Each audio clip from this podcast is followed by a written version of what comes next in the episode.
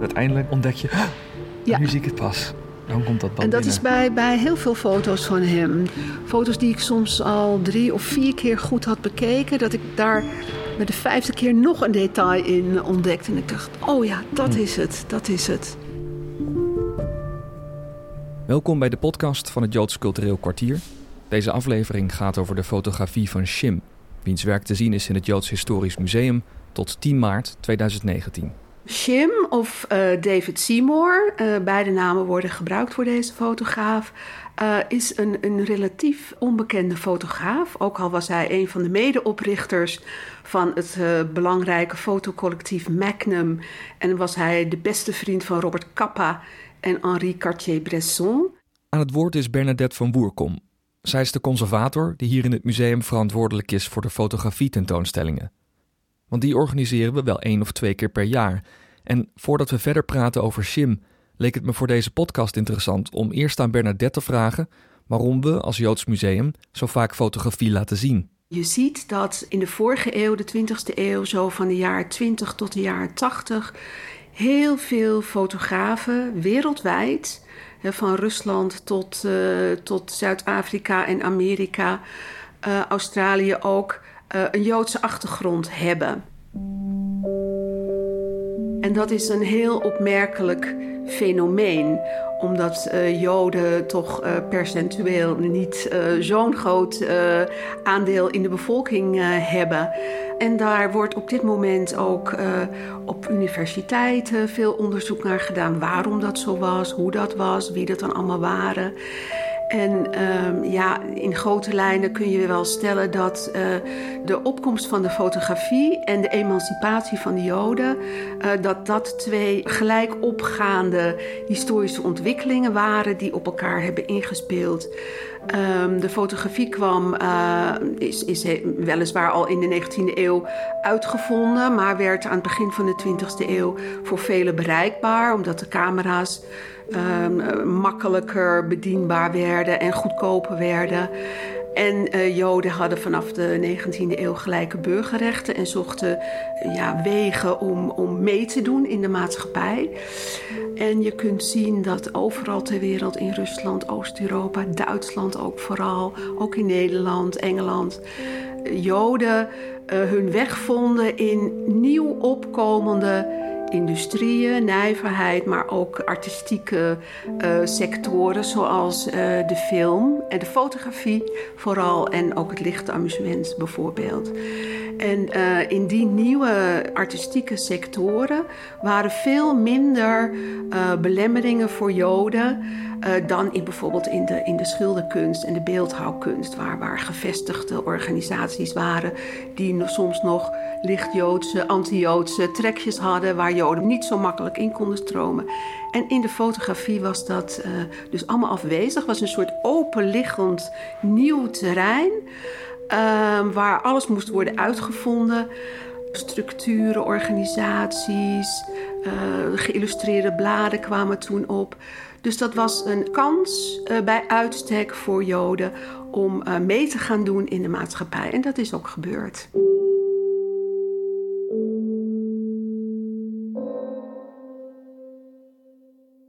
Shim komt met een omweg bij de fotografie terecht. Hij is in 1911 geboren in Warschau in een familie van Hebreeuwse en Jiddische boekenuitgevers.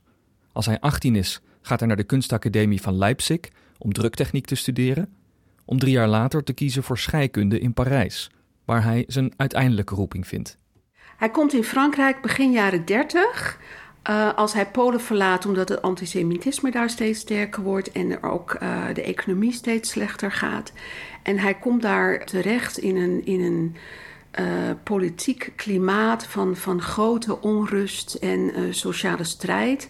En polarisatie tussen enerzijds de fascisten en de conservatieven en anderzijds de socialisten en de communisten. En Shim kiest partij voor die laatste, die zich verenigen in het Front Populair. Ja, hij heeft een zeer geëngageerde sociale instelling, voelt zich enorm betrokken bij de strijd van de arbeiders. Om geld te verdienen gaat hij die strijd fotografisch vastleggen, waarvoor hij al snel in dienst wordt genomen door het linkse tijdschrift Regar.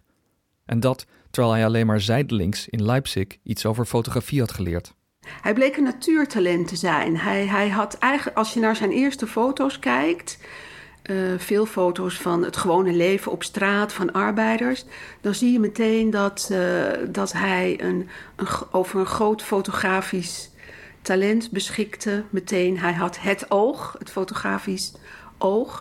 Voor de publicatie van zijn foto's gebruikt hij een afkorting van zijn Poolse naam. David Shimin wordt Shim, op zijn Frans gespeld. Onder deze naam fotografeert hij de vele bijeenkomsten, demonstraties en stakingen die hij daarmee kracht wil bijzetten. Het is dus echt fotografie als wapen in de klassenstrijd. Deze vroege foto's, van 1934 tot 1939, zijn als eerste te zien in de tentoonstelling, waar Bernadette vertelt hoe Shim die sociale strijd echt invoelbaar maakt. Je hoort bijna uh, het, het, het rumoer, de, het schreeuwen, het, uh, het, ja, het, de opwinding van, van al die demonstraties en uh, stakingen. Dat is dus wat hij fotografeerde. Maar het is ook interessant om te kijken naar hoe hij fotografeerde. De stijl waarin hij fotografeerde was uh, geïnspireerd door uh, de nieuwe zakelijkheid, een nieuwe stroming in de fotografie, modernistische stroming, uh, ontstaan in Duitsland en uh, Oostenrijk in die tijd. In Leipzig, de school waar hij een tijdje geweest is, waar fotografie werd onderwezen ook, had hij onder andere les gehad van Moholy Notch, de grote modernist. Uh, een stijl die gekenmerkt wordt door uh, diagonale lijnen in de fotografie, uh, abrupte afsnijdingen, close-ups heel dichtbij komen. En een, een stijl die echt een, een radicale breuk was met alles wat daarvoor was. Hier in Parijs in de jaren 30 ontmoet Chim zijn levenslange vrienden Robert Capa en Henri Cartier-Bresson. Als in 1936 de Spaanse burgeroorlog uitbreekt, waar de zittende linkse regering wordt aangevallen door de rechtse nationalisten onder Franco, gaat Schimmer heen samen met Robert Capa en zijn partner Gerda Taro. Ze hebben heel veel samen gefotografeerd en wel in zo'n mate van samenwerking dat, dat het soms niet duidelijk was wie welke foto gemaakt had. Ze beheerden ook hun negatieve samen en het afdrukken regelden ze samen. Eén bekende foto op deze tentoonstelling, van een jongen met een vakbondsmuts en een geweer, werd altijd een Capa toegeschreven. Maar door een miraculeuze vondst van verloren gewaande negatieven, een aantal jaar geleden, werd duidelijk dat deze foto door Shim is genomen. Het is zelfs zo dat wij toen wij in 2007 hier in het museum een Robert Kapper tentoonstelling hadden, dat we die foto hebben gebruikt voor het affiche. Um, het is ook een enorm aansprekende foto, um, inhoudelijk, maar ook, ook hoe die fotografisch is gecomponeerd. Dat jongetje zo half uh, leunend, bijna buiten het beeld. Um, maar door het vinden van uh, al die negatieven in de Mexican Suitcase, de zogenaamde Mexican Suitcase, is vast komen te staan dat het een foto is van Shim. Dus nu hebben we hem weer in deze tentoonstelling. Shim heeft in de jaren 30 al veel meer een gevestigde naam dan Kappa, omdat Shim zijn talen spreekt en goed weet te netwerken. Shim is dan overigens pas 25 jaar en Kappa twee jaar jonger. Kappa vestigt zijn naam pas met de spectaculaire foto's die hij hier op de frontlinie maakt tussen de soldaten. Ook Shim legt die gevechtshandelingen vast. Maar ook en vooral het leven van gewone mensen tijdens die oorlog achter de frontlinies. Hoe dat gewone leven doorging, maar ook hoeveel ellende er was, hoeveel armoede. Ik denk dat uh, Kappa had, had meer uh, het temperament om zich in de gevechten te begeven. Dat, ik denk dat hij daar ook een soort kick aan ontleende. Um, en Shim had dat, uh, was rustiger, opereerde bescheidener, prepareerde zich ook heel erg degelijk.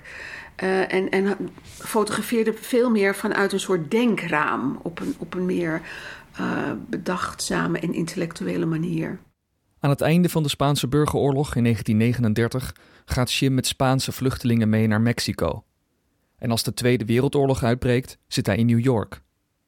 Voor het Amerikaanse leger gaat hij luchtfotografie analyseren en in 1942 wordt hij Amerikaans staatsburger onder zijn nieuwe naam David Seymour. Na de oorlog gaat hij weer fotoreportages maken en krijgt hij zijn opdrachten voortaan via het mede door hem opgerichte bureau Magnum. In 1947 en 1948 maakt hij foto's van het door oorlog verwoeste Europa. Op de tentoonstelling vertelt Bernadette over de foto die het affichebeeld is geworden. Dat is een kleurenfoto uh, gemaakt op uh, een van de Normandische stranden. Dat uh, als codenaam Omaha Beach had. Iedereen wel bekend van films, denk ik, en documentaires.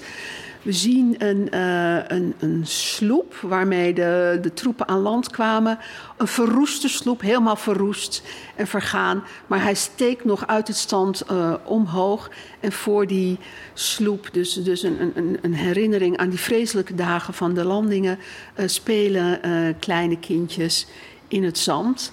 Het is een foto waarbij allerlei gedachten bij je kunnen opkomen. Het heeft ook een beetje een surrealistische sfeer. Maar ik denk dat uh, Shim hier toch wel heeft proberen uit te drukken dat uh, na alle vreselijke, gruwelijke heden van het verleden, dat er weer kinderen spelen op een rustig strand met rustig water. En dat de toekomst in hun handen ligt en hoop biedt. Het is een van de weinige kleurenfoto's op deze tentoonstelling. Wat opvalt omdat we vaak denken dat serieuze fotografen lange tijd weigerden om in kleur te werken. Dat blijkt niet helemaal waar te zijn. Ze deden het wel, maar konden het niet kwijt aan de tijdschriften, voor wie drukken in kleur nog veel te duur was, behalve misschien een keer op de cover. Maar je merkt steeds meer dat naarmate die archieven van fotografen uit die tijd opengaan, dat er ook heel veel kleurenwerk in zit. En dat deden ze voor zichzelf ook, uh, om daarmee te experimenteren. Uh, nou ja, en om dan de incidentele foto, uh, kleurenfoto te kunnen verkopen natuurlijk. Maar het was, uh, het was niet zo dat er grote vraag was vanuit de bladen naar die kleurenfotografie. En daarom is ook heel lang het idee blijven bestaan dat fotografen zwart-wit fotografeerden in die tijd. Omdat dat vanuit esthetische overwegingen, omdat ze zwart-wit mooier vonden. En, en, serieuze fotografie. Ja, serieuze fotografie. Ja, ja, maar steeds meer blijkt toch wel dat ook heel veel fotografen met kleur hebben geëxperimenteerd. Dus dan liepen ze eigenlijk met twee camera's om een nek? Ja, ja of drie. En, en dat zie je, dat zie je de, een van de. We hebben een, een portret van Shim in de tentoonstelling. En daar heeft hij drie camera's om zijn nek hangen. Ja, en je ziet ook in de tentoonstelling zijn ook wel voorbeelden aan te wijzen van uh, taferelen, scènes die hij zowel in zwart-wit als in kleur heeft gefotografeerd. Shim is uiteindelijk wereldberoemd geworden met deze foto's van naoorlogse Europese kinderen. Hij laat ze zien in een door de volwassenen verwoeste wereld, wat soms huiveringwekkende beelden oplevert. Maar hij richt zijn camera ook vaak op de hoopgevende veerkracht van deze kinderen. Er is hier ook een foto van een jongetje um, die zijn uh, linkerhand mist maar toch op een soort bord met een uh, overhemd daarop leert om te knopen met één hand, met zijn rechterhand. Maar het jongetje heeft een stralende glimlach en is er trots op dat het hem lukt om, uh, om die knoopjes dicht uh, te maken. En soms zit het leed verscholen in hele kleine details. Deze foto is gemaakt in Matera, de, de, de stad van de grotwoningen in Zuid-Italië. Enorm arm, altijd geweest. Enorm veel uh, sterfte, ook onder kinderen. En hier heeft uh, vanuit een hoog standpunt naar beneden gefotografeerd een begrafenisstoet. Je ziet uh, de priesters lopen voor de stoet uit. Een koets, een witte koets. de paarden daarvoor hebben witte kleden om, dekkleden om. Het is een enorm breed genomen foto. En dan je oog tast het beeld zo af en dan kom je uiteindelijk terecht bij dat hele kleine kistje dat daar in die glazen koets uh, ligt. En dan, ja, dan, dan komt er even een brok uh, in je keel. Ja, ja. Ja, zeker omdat het zoveel informatie in die ja, foto zit. zit. En wat je zegt, je gaat er overheen. Ja. Dus uiteindelijk ontdek je, oh, ja. nu zie ik het pas. Ja. En, ja. ja. dan komt dat En dat binnen. is bij, bij heel veel foto's van hem.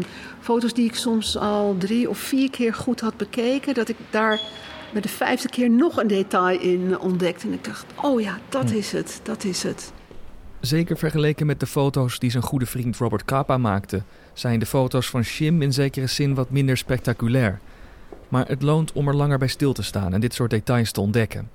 Zoals ook tegen het einde van de tentoonstelling bij foto's gemaakt in Israël in 1952. Ja. Misschien kan jij vertellen wat je daarop ziet. Ja, ook dat is een typische Shim-foto. Misschien, uh, de, de, de, handeling is niet heel spectaculair. Op het eerste gezicht is het misschien ook niet zo'n spectaculaire foto. Maar als je goed gaat kijken, dan, dan is er toch enorm veel...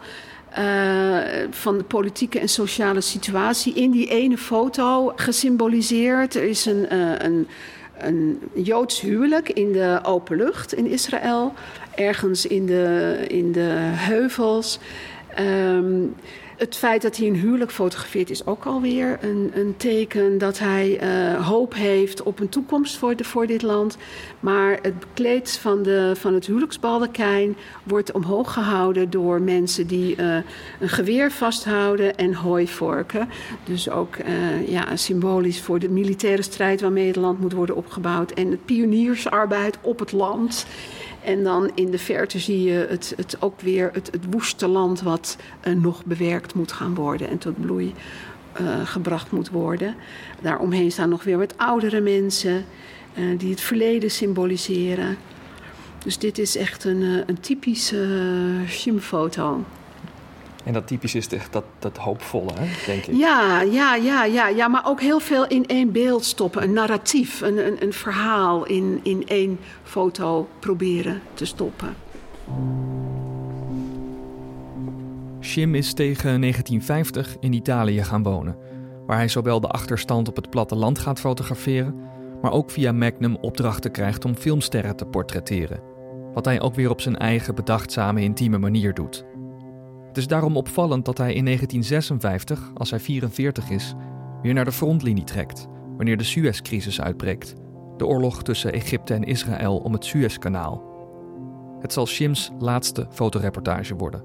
Als je leest over deze episode in zijn leven, in, in boeken en catalogie, is het voor de meeste schrijvers en onderzoekers toch een raadsel waarom hij daar naartoe gegaan is. Het was toch out of character. Uh, en vooral in die periode van zijn leven, dat hij toch allemaal wat rustiger uh, fotografie uh, bedreef.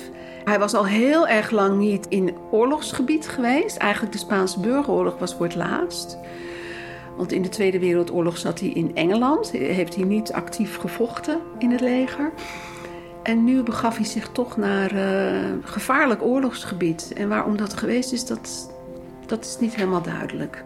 En hier zat Shim bij een collega in de auto, waar ze bij een Egyptische grenspost staande werden gehouden, maar doorreden, waarop ze door scherpschutters zijn doodgeschoten. Zo kwam er dus een bizar en onverwacht einde aan het leven van deze legendarische fotojournalist, wiens oeuvre een belangrijke plek inneemt in de 20e eeuwse fotografie. Het belang van zijn foto's ligt denk ik toch echt in. Uh ja, het, het, het hooghouden van, van de hoop op een nieuwe toekomst na de Tweede Wereldoorlog. Een, een oorlog die alles vernietigd had. Um, je kunt je voorstellen dat mensen bij de pakken waren gaan neerzitten of dat ze niet wisten hoe ze verder moesten. En toch hebben heel veel mensen zijn wel weer verder gegaan en zijn gaan opbouwen. En um, Shim geloofde daarin, ondanks al het persoonlijke leed wat hij zelf ook had meegemaakt is een groot deel van zijn familie verloren, zijn vaderland verloren. Hij is nog maar ooit één keer in Warschau terug geweest na de oorlog, daarna nooit meer. Dat kon hij niet opbrengen. Um, en toch heeft hij uh, ja, met, met, met idealisme uh, die wereld uh, proberen te verslaan en uh, bij te dragen aan een, aan een betere en vreedzamere wereld. Dit is het einde van deze podcast. Mijn naam is Caspar Stalenhoef, met dank aan Bernadette van Woerkom. Graag horen we wat u van deze podcast vond. U kunt onze enquête vinden op jck.nl/podcast.